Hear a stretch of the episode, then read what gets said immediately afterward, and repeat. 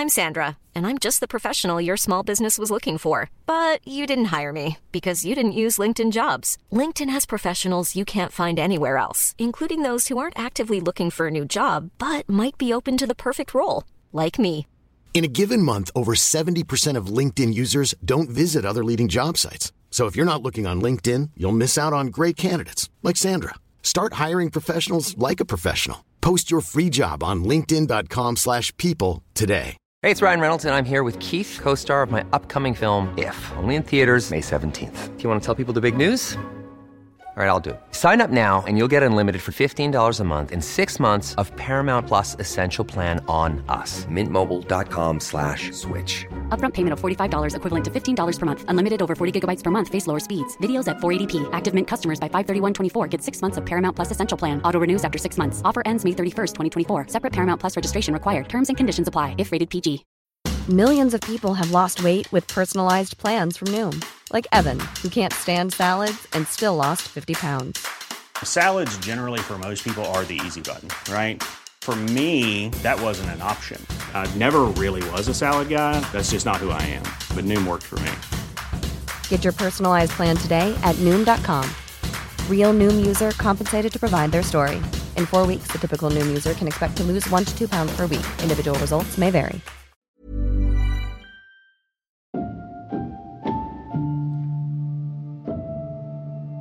Han lärde ju mig att köra bil och hjälpte mig med körkortet och jag brukade åka ut dit och äta middag och han var ju som en pappa för mig.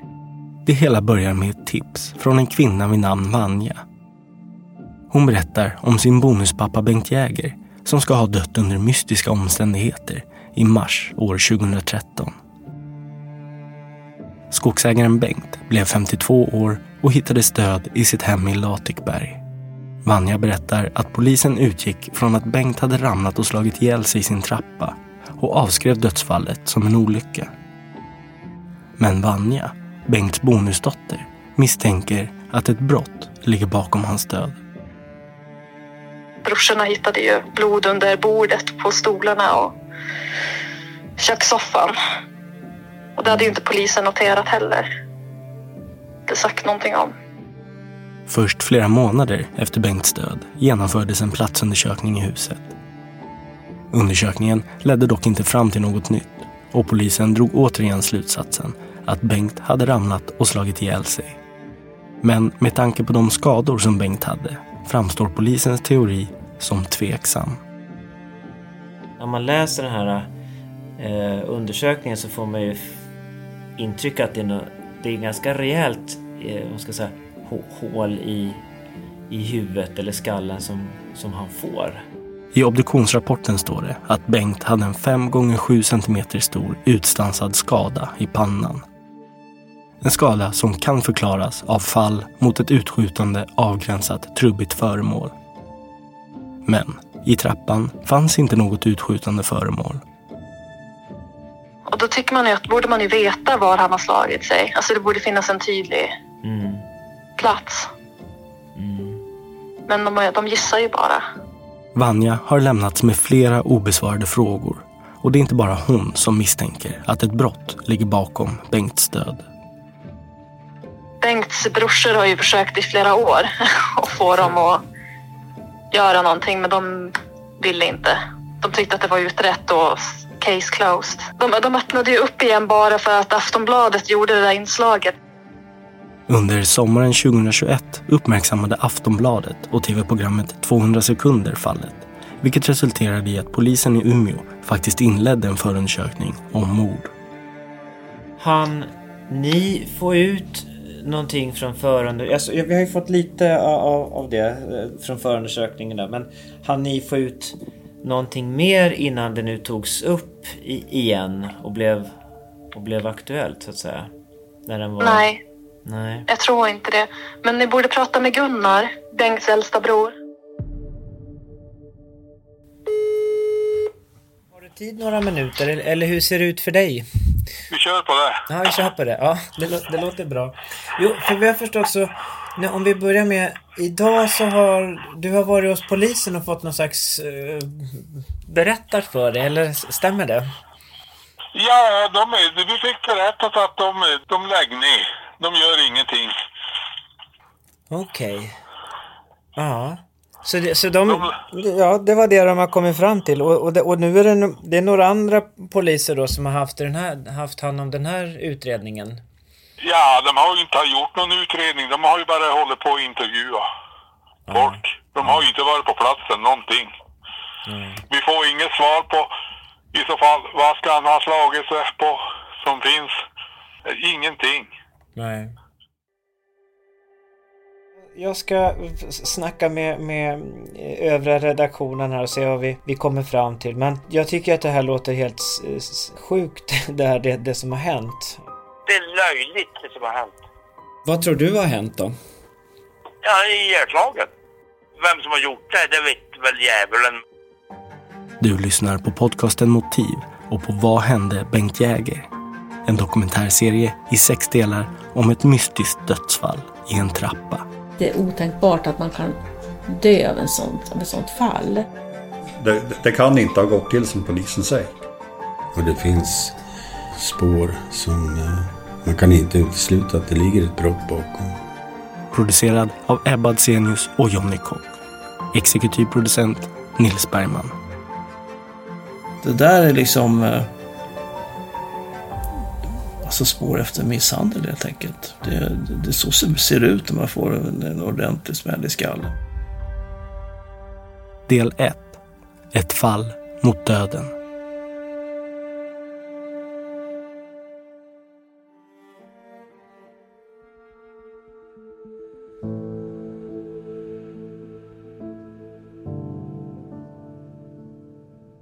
Åtta år efter Bengts död inledde polisen i Umeå en förundersökning om mord. Och i samma veva som vi börjar arbeta med den här dokumentärserien läggs den utredningen ner. Bengts anhöriga har fortfarande inte fått svar på sina frågor och polisen är sparsamma med information om fallet. Vi håller på och tittar på det här eh, fruktansvärda som hände Bengt Jäger 2013. Yes. Eh, och då eh, leder, eh, verkar som, de flesta trådarna till dig. Man... Vi kontaktar förundersökningsledaren, David Helgesson, för att ta reda på varför ärendet lagts ner den här gången. Eh, utredningen är ju nedlagd och, avslutad och, och kommunicerad så att säga. Så det, det handlar inte om att få ut utredningen utan det handlar om något annat. Polisen hänvisar till sekretess när vi ber om att få ut förundersökningen. Därför är det svårt att ta reda på hur det kommer sig att man lagt ner ärendet den här gången.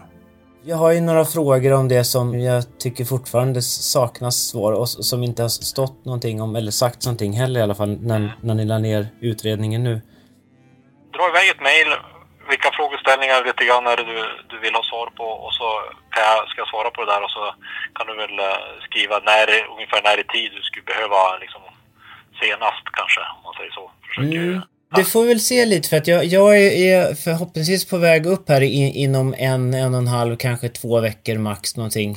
Eh, för jag, jag sitter i Stockholm nu men, men jag ska upp och, och intervjua en massa folk kring det här.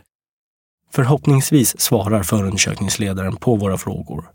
Men i väntan på det får vi helt enkelt försöka lägga ett eget pussel. Så seriens producenter Ebba Adsenius och Jonny Kock beger sig till platsen där allt utspelade sig.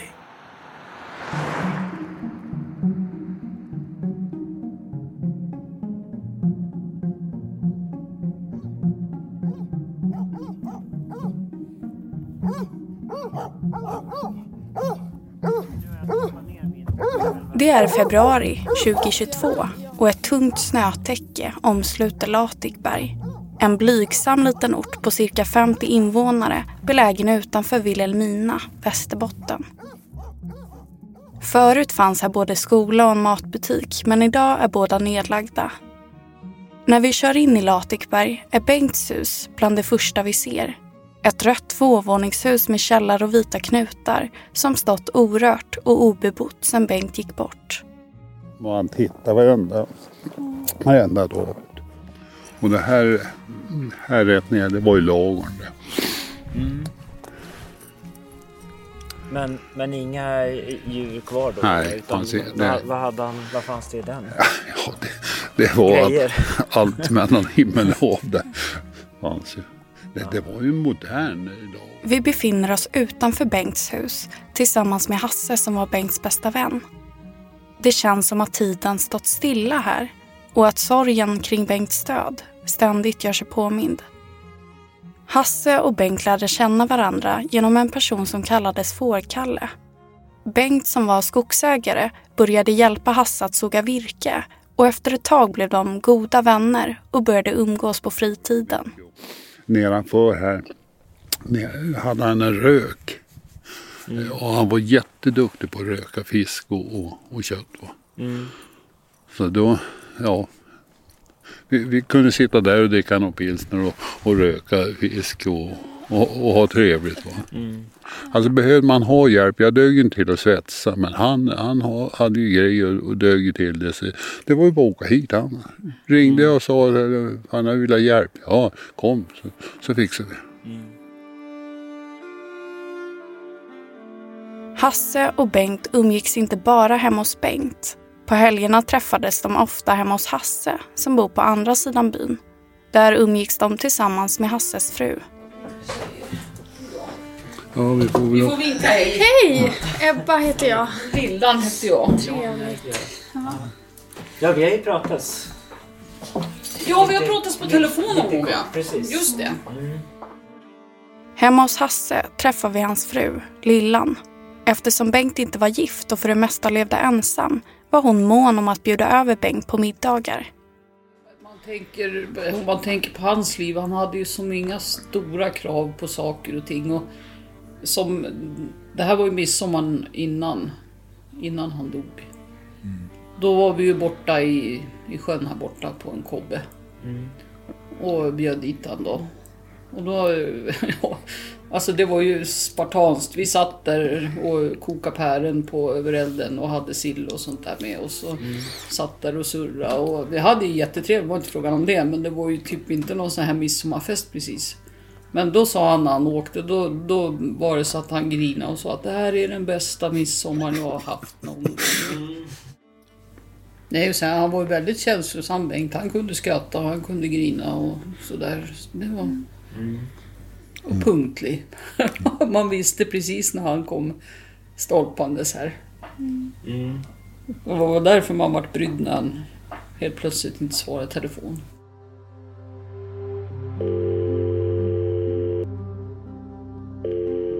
Fredagen den 22 mars 2013 slutar Bengt plötsligt att svara i telefon.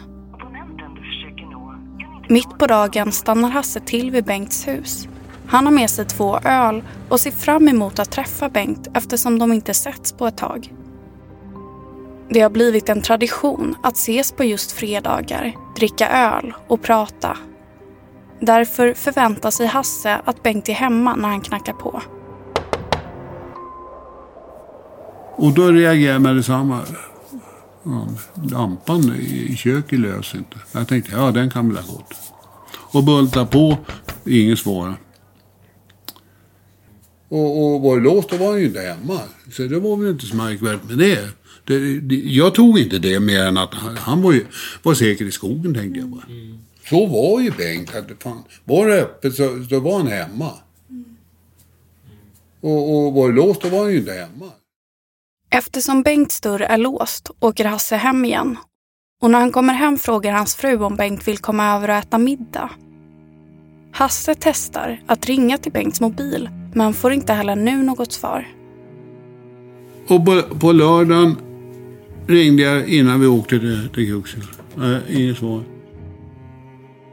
Och brukade Bengt svara på telefonen när man ringde? Ja, ja. Eh, Det, det gjorde han eh, ja, till 90 procent. Det är klart körde han motorsågen och satt i traktorn. Men då, han, han ringde ju alltid upp. Den gången återkommer aldrig Bengt. På lördagen åker Hasse och Lillan till en fiskestuga som de har en bit bort. Och när Hasse och Lillan är där dyker Bengts ena halvbror upp. Och då kommer Erik när vi sitter i Kruxel. Och då sa jag, var är Bengt någonstans? Ja, men han håller ju på och hugger på, bak på berget, så han är väl där. Och då sa jag, det, vad fan, han, han svarar inte. Bara inte har hänt någonting. Nej, men inte. Då säger vet, han, han är så van i skogen så inte händer det någonting. Ja, det där, det, vi, vi vart väl mer och mer oroliga för det där. Men ringde och ringde och ringde och ringde på lördagen. Inget svar, inget svar, inget svar. På söndagen, två dagar efter att Hasse stannat till vid Bengts hus, åker Hasse och hans fru tillbaka till fiskestugan. Där fortsätter Hasse att ringa till Bengt utan att få något svar. Då säger jag till lillan att eh, nu åker jag via Bengt hem. Och det måste ha hänt någonting. Han kan inte vara borta hela, veck- eh, hela helgen. Ändra har det hänt någonting i skogen eller... Och då, då började det bli... Det var så här, skymning. Så, ungefär som det är nu va. Då är, Ja. då är det söndag eftermiddag. Ja.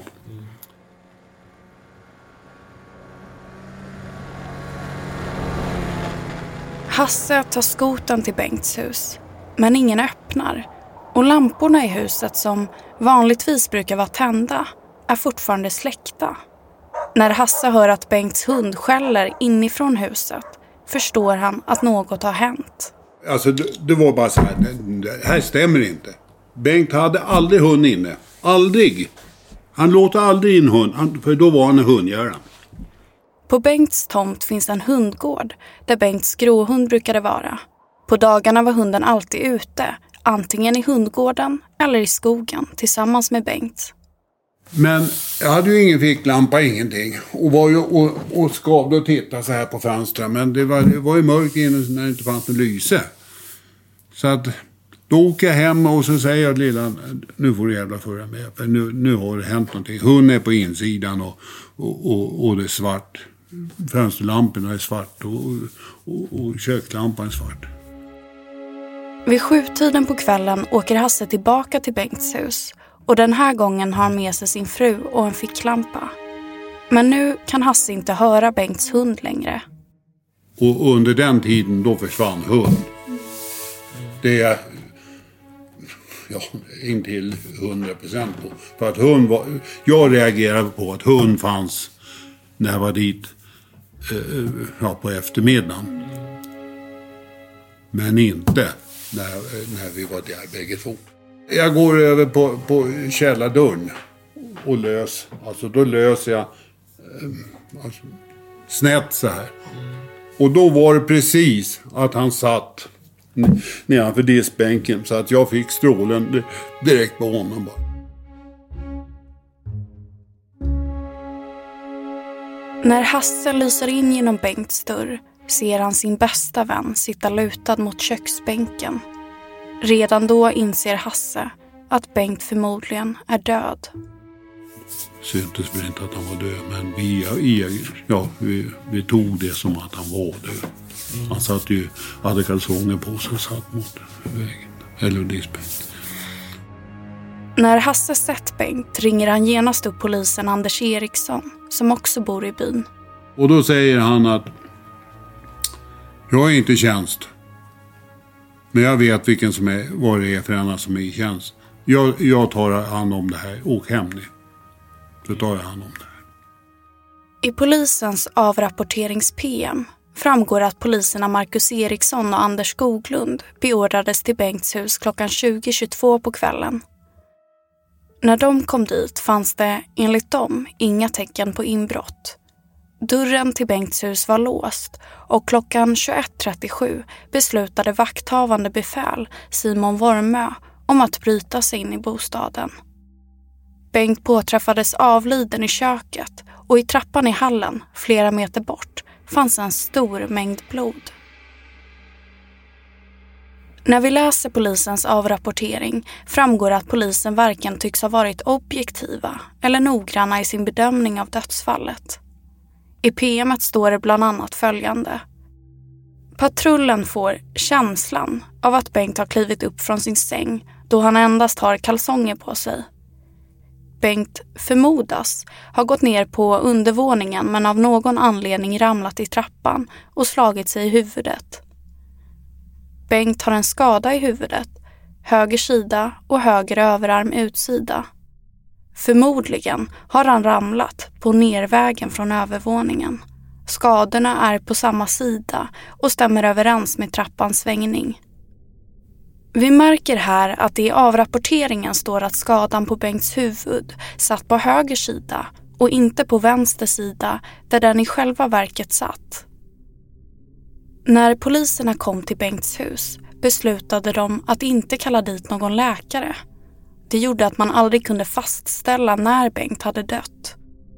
En bårbil beställdes till platsen redan samma kväll och bostaden varken spärrades av eller undersöktes av kriminaltekniker. Eh, sen då, på, se, ja, kanske vid tiotiden eller någonting, då, då kommer Anders hit och säger att ja, Bengt, Bengt var, var död. Ja, och han har ramlat ut för trappen. Jaha. Då reagerar vi direkt med att fan en tretrappa kan man ju inte... Det är konstigt om man ramlar ut för trappen och slagit ihjäl sig. Det,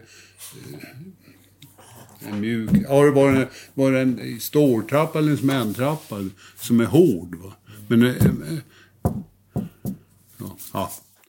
När Hasse inser hur illa polisen hanterat dödsfallet ångrar han att han hörde av sig till byns lokala polis istället för att ringa 112. Jag ångrar så förbannat. För det första hade jag druckit några pilsner. Det var därför jag, jag inte ville blanda med polisen. Men jag kunde ju ha gått därifrån. För hade jag varit kvar, då hade jag ju sett hur de bar sig åt. Det här med att de tog Bengt, ringde eh, vår bil och eh, fraktade därifrån och inte, inte eh, spärra av någonting. De får ju in larmet vid åtta tiden på kvällen. Någonting. Och så sen vid strax före tio är de, är de där. Och jag tror hon var halv tolv då kom de med nycklar till brorsan Erik. Mm. Då har de städat ut han och, allting liksom. Haft dit begravningsentreprenören. Mm. Vi hör Gunnar, Bengts ena halvbror. Dagen efter att Bengt har påträffat stöd åker han och Bengts andra halvbror Erik till huset för att fixa med värmen.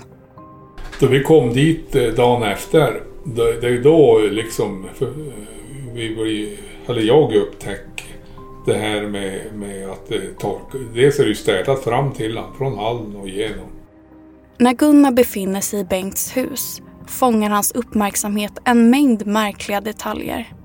Mellan trappan i hallen, där Bengt ska ha ramlat, och köket där Bengt anträffade stöd finns inget blod. Polisen kommer senare ge honom svaret att det är Bengts hund som har slickat upp blodet men Gunnar tycker att det mer ser ut som att någon har svabbat golvet. Det har varit vatten i och så avdunstar ju vatten och så är det blodstrimmer kvar då liksom. Mm. Man ser ju, ja, man, man kan ju torka på en diskbänk eller vad som helst så ser man ju då torkat om det inte har torkat riktigt bra. Mm. Att det, det, är kvar då det har torkat. Det finns alltså inga blodspår på golvet mellan hall och kök. Men däremot är det fullt med blod på andra ställen. Det var ju så helt orimligt. Så att då ska han ha förflyttat sig nu åtta meter har jag mätt uppifrån där bloden, huvudet ska vara där då, mm. till bänken, mot bänken där han satt. Då är det ju, det är ju blod och så inne i bombens, utför trapporna där. Men så kommer ner på hall, från dörren och i hallen där är det ju då tomt på blod. Och sen en stor jädra pöl under skohylla vid, vid hatthylla liksom.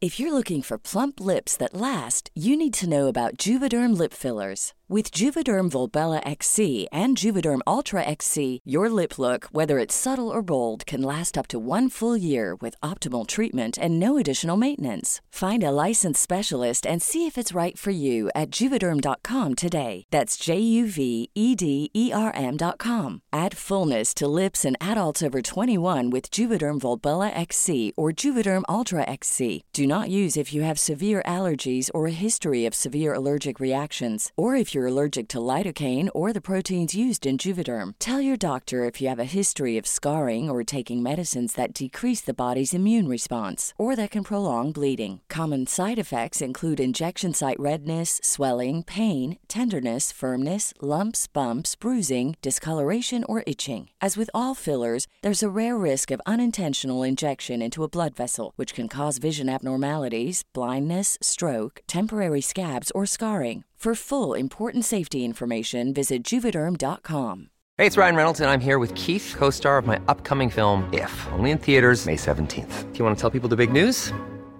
All right, I'll do it. Sign up now and you'll get unlimited for $15 a month in six months of Paramount Plus Essential Plan on us. Mintmobile.com slash switch. Upfront payment of $45 equivalent to $15 per month. Unlimited over 40 gigabytes per month. Face lower speeds. Videos at 480p. Active Mint customers by 531.24 get six months of Paramount Plus Essential Plan. Auto renews after six months. Offer ends May 31st, 2024. Separate Paramount Plus registration required. Terms and conditions apply if rated PG. Hiring for your small business? If you're not looking for professionals on LinkedIn, you're looking in the wrong place. That's like looking for your car keys in a fish tank. LinkedIn helps you hire professionals you can't find anywhere else, even those who aren't actively searching for a new job but might be open to the perfect role. In a given month, over 70% of LinkedIn users don't even visit other leading job sites. So start looking in the right place. With LinkedIn, you can hire professionals like a professional. Post your free job on linkedin.com/people slash people today. Förutom en stor mängd blod i trappan finns även blod på ytterdörren, på köksbordet och på kökssoffan, på väggar och på en förpackning med hundfoder. Blod i form av pölar, rinningar och stänk. Och så sen har det skulle ha stängt runt väggen. Den är ju 250 tjock där. Då skulle jag ha stängt på dörren. Men det finns ingenting på golvet. Och sen är det ju blodstänk i taket liksom eh, borta vid köksdörren liksom. Mm. Ett par meter ifrån trappen där. Men de har ju inte noterat det heller och inte det här på dörren eller någonting liksom. Gunnar ifrågasätter varför polisen inte har spärrat av platsen. Polisen menar att det inte finns något som pekar på att ett brott har begåtts eftersom dörren till huset var låst. Men när Gunnar går ner i Bengts källare upptäcker han att fönsterhasparna är upphakade. Polisen påstår ju att det inte finns några nå fönster som är öppna. Och då vi går runt och kollar, då är det tre stycken. Det är ju så jävla märkligt liksom som det bara kan bli.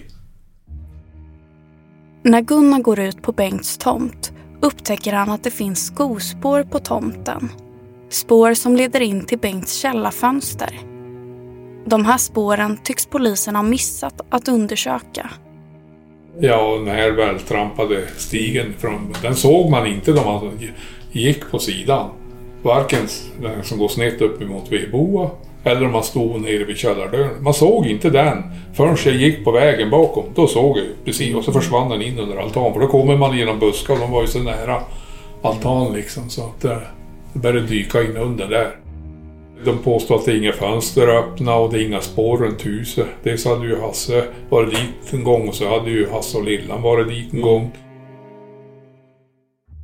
Jag, jag har aldrig, varit aldrig påkallad polisen. De, de tog inte kontakt med mig. Vi hör Hasse igen. Bengts bästa vän som hittade Bengt död och som larmade polisen i byn, Anders. Och jag menar att de här, de poliserna som kom hit och var i tjänst, att de inte visste vem jag var. Det, det kan väl mycket väl vara. Men Anders visste ju vem jag var. Och det, det, det tänker jag, vare, vare sig det är frågan om ett mm, mord eller både den som, den som ringer in eh, brukar ju vara med i en rapport. Kort efter dödsfallet kommer Hasse till Bengts hus. Men då är det inte polisen som ber honom komma dit, utan Bengts bror Gunnar. Om det var måndagen eller tisdagen, då ringer Gunnar. Och frågar om jag är hemma. Ja, jag är hemma. Eh, vill du komma hit? Ner till Bengts. Eh, jag, ja, han ville, ville veta vad vad jag hade sett och hur, hur det här hade gått till på, på söndag eftermiddag när jag hittade Bengt. Alltså. Så jag gick dit och då stod ju källardörren öppen. Så jag gick in Och Bengt var ju borta, men det var ju blodigt. Och, och då bara pekade jag så här, här satt han. Och då, då vände jag och gick ut. Jag, jag kände, jag, jag pallar inte med det här. Alltså, för, det, för det första var det att mista Bengt, men det var ju en sak. Men, men sen, all jävla blod. Det var ju hemskt, alltså nedanför trappen. Det var ju stora blodfläckar. Men ingenting i köket. Vilket jag då... Jag reagerade, men jag tänkte att det, det, det har de. Alltså, det har grabbarna städat upp. Alltså det var, det var min tanke. Sen... Då frågade ju Gunnar mig när, vi, när jag gick ut. Såg du hur det såg ut på golvet? Nej, det såg, jag såg ingenting. Jag såg bara Bengt. Alltså jag såg överkroppen på honom. Mm. Satt mot. Så jag såg ingenting på golvet. Så. Och såg inte någonting i, i, i hallen heller. Vad tänker du kring att eh, hunden har varit i flera dygn? Helt och, och hållit sig? Aldrig. Aldrig. Finns inte möjligheter.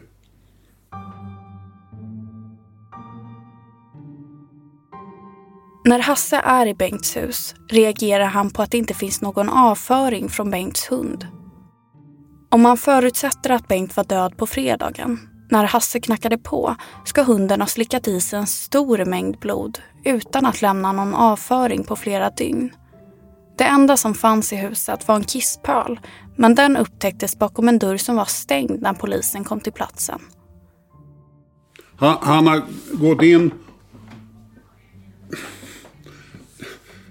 gått in och pissat i, i, innanför kö, lilla rum i, bakom köket. Och stänger dörren efter sig. Mm. Och har han kunnat putta igen dörren, alltså med nosen, mm. då, då har det varit med all säkerhet kunnat ha gjort. Men han, har, han måste ha dragit igen dörren. Mm. Och det gör inte en hund. Nej. Men han hade varit inne där och pissat. Och det kan inte vara, om jag lite ifrågasättande. Det kan inte vara en, en gammal kisspöl. Nej, alltså, nej, som nej, är liksom nej, en, nej. en vecka gammal Nej, när, Bengt levde. Nej, nej, nej. Mm. Nej. När Bengt hittades var han blodig på både händer och fötter. Att Bengt var blodig medan köksgolvet var rent tycker Hasse som själv är hundägare är anmärkningsvärt. Enligt honom är det mer logiskt att hunden skulle slicka upp blodet på Bengt än på golvet. Att Be- Bengt är slickad utav hund. Om han var alltså blodig. Det, det, det, det med all säkerhet. För har jag sett det här och hundarna kommit in och sett att jag har varit blodig och inte rört mig. Då har de varit, försökt få igång mig. Med att slicka och, och buffa eller någonting. Men absolut inte slicka hela köksgolvet. Och, och inte gått ut i hallen. Aldrig. Varför slickar de köksgolvet? Eller varför slickar hund köksgolvet och i, i, inte hallen? Nej, det, det säger sunda förnuftet. Och, och sen ingen mat. Samma kväll som Hasse hittade Bengt överlämnades Bengts hund till Erik. Erik är tre år äldre än Bengt och bror på mammans sida. När vi väl befinner oss i Latikberg passar vi även på att åka hem till honom. Ja, han snurrar på värmen bara. Fläkten bara. Ja, men den tror jag inte... Och så har vi klassiskt eh, bakgrundsljud också. Ja, jag- Köks, köksklockan får, får vara med. Det är liksom... Det ger någon slags stämning. Ja. Ja. Vi sitter runt köksbordet i Eriks hus där han bott sedan 1992. Vi bjuds på kaffe och sockerkaka. Tack snälla. Mm, ja, men jag kan ta lite, lite grann bara för sockren. Och även om stämningen är trevlig till en början känner vi att det vi är här för att prata om än idag är ett öppet sår. I många år har Erik tvingats bära på både sorg och ilska. Sorg över sin brors bortgång och ilska över polisens hantering av dödsfallet. När Erik var fem år och Bengt två år blev Erik och den äldsta brodern Gunnar placerade på barnhem. Deras mamma blev sjuk i tidig ålder och hade inte förutsättningarna att ta hand om tre barn. Bengt var den enda av bröderna som fick stanna hos sina biologiska föräldrar i Latikberg. Men flera år senare flyttade Erik tillbaka till byn. Jo men så här. Eh, om du skulle ta och beskriva Bengt då, som, som person. Ja, men han var väl bra. Ar, ar, ar, ar, ar, ar, arbetsam. Han, han arbetade ju och höll ju på hela tiden. Och var det någon som behövde hjälp så ställde han ju upp. Det var ju inga, inga problem på det viset inte. Han var ju svetsare och mekaniker, montör i, i Dorotea. Men sen hade han ju så, traktor och han höll ju på med skogen och avverka och såga och hyvla och höll ju på mycket med det. Han var ju väldigt intresserad av skogen och Mm. den, den, den biten. Bengt var skogsägare och tillbringade en stor del av sitt liv i skogen. Men han arbetade också som svetsare på sin storebror Gunnars företag. Där arbetade även Erik under perioder. Så det med som att det var inte att vi ringde och pratade och skulle vara varannan dag. Utan det, Så pendlade ni då till... ja, vi var jobbarkompisar i Dorotea i Mm. må, många år. Mm. När Bengt var tio år fick han sitt första helsyskon och även hon placerades i fosterhem. Hon och Bengt hade ingen kontakt förrän långt senare i livet när deras biologiska föräldrar dog. Mamman dog i juni 2011, pappan i maj 2012 och i mars 2013 dör Bengt. Och Bengts bortgång får Erik reda på när polisen plötsligt knackar på hos honom för att överlämna Bengts hund. Men när du fick det här beskedet och de kom hit, kommer du ihåg vad du tänkte då? Nej, man vart väl bara jävligt, jävligt förvånad. då. Och Gunnar han började ju nästan på en gång och ja, tycka att det var något mystiskt med det hela. Men jag tänkte nog fan, polisen och vet väl de veta vad de, vad de håller på med. När började du fundera på att det kanske inte har stått rätt till då, om man säger så, med, med, med Bengts dödsfall? Ja men det tog väl någon, ja, någon vecka eller två. Jag hade ju varit dit. Vi var väl inte dit varenda dag men ja, det var ju olika anledningar. Vi var tittade och kollade och, och Gunnar var ju mer, började jag, ja, han var ju misstänksam på en gång. Ja, till slut började, ju, började man ju inse att det, det, det kan inte ha gått till som polisen säger. Med tiden blir även Erik misstänksam. Några dagar efter att Bengt har dött upptäcker bröderna och Bengts bästa vän Hasse att det försvunnit pengar och deklarationspapper från Bengts källare. Det verkar som att någon gjort inbrott genom Bengts källarfönster. Då var alltihopa borta. Papperna borta, pengarna borta. Någon har ju varit inne och tagit dem. Och vem fan går in där och, och snor deklarationspapper? vem kan vara intresserad av som? Vi tycker ju det var obehagligt liksom, så vi ville ju som inte hålla på och rota i brorsans grejer och liksom, det var ju som inte vår. Vi Nej. hade ju inte den läggningen. Men eh, det var ju då det började eh, hända saker i källaren med fönster sönderslagna. Bengt hade ju letat fram papper och, ja, för att, om, om skogen och det hade de skyllt på förskott på arv och allt det där. Men det fanns ju inte ett papper i, i kåken. Efter att pengar och papper försvunnit dyker plötsligt en städfirma upp i Bengts hus. Något som Erik upptäcker av en ren slump då han denna dag är på väg in till Vilhelmina och passerar Bengts hus. De ringde upp Gunnar och Gunnar sa men far dit och stoppa dem. Så då, var ju, då, då hade de ju hunnit städa. Så då... Ja. De packade ihop och for då.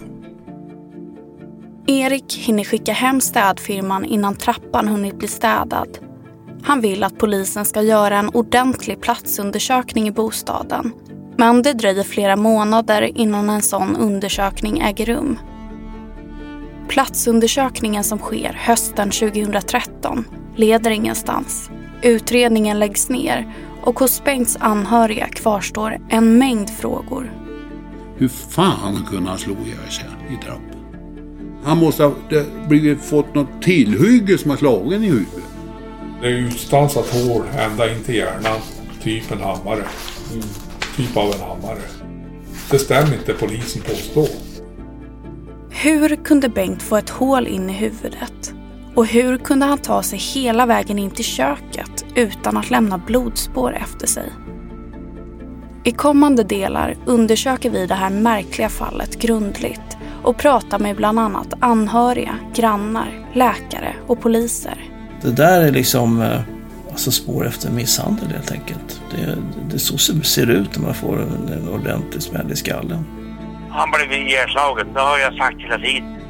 Jag hoppas ju verkligen att allt blir ordning och reda och det blir någon klarhet i det där för det är ju obehagligt alltså. Du har lyssnat på podcasten Motiv och på första delen av Vad hände Bengt Jäger? En serie i sex delar producerad av Ebba Adsenius och Jonny Kock. Exekutiv producent Nils Bergman. Tack för att du har lyssnat.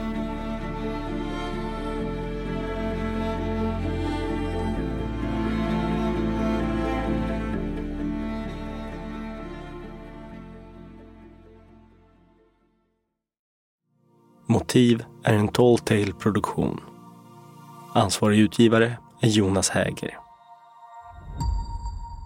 Och Motiv görs i samarbete med Lexbase.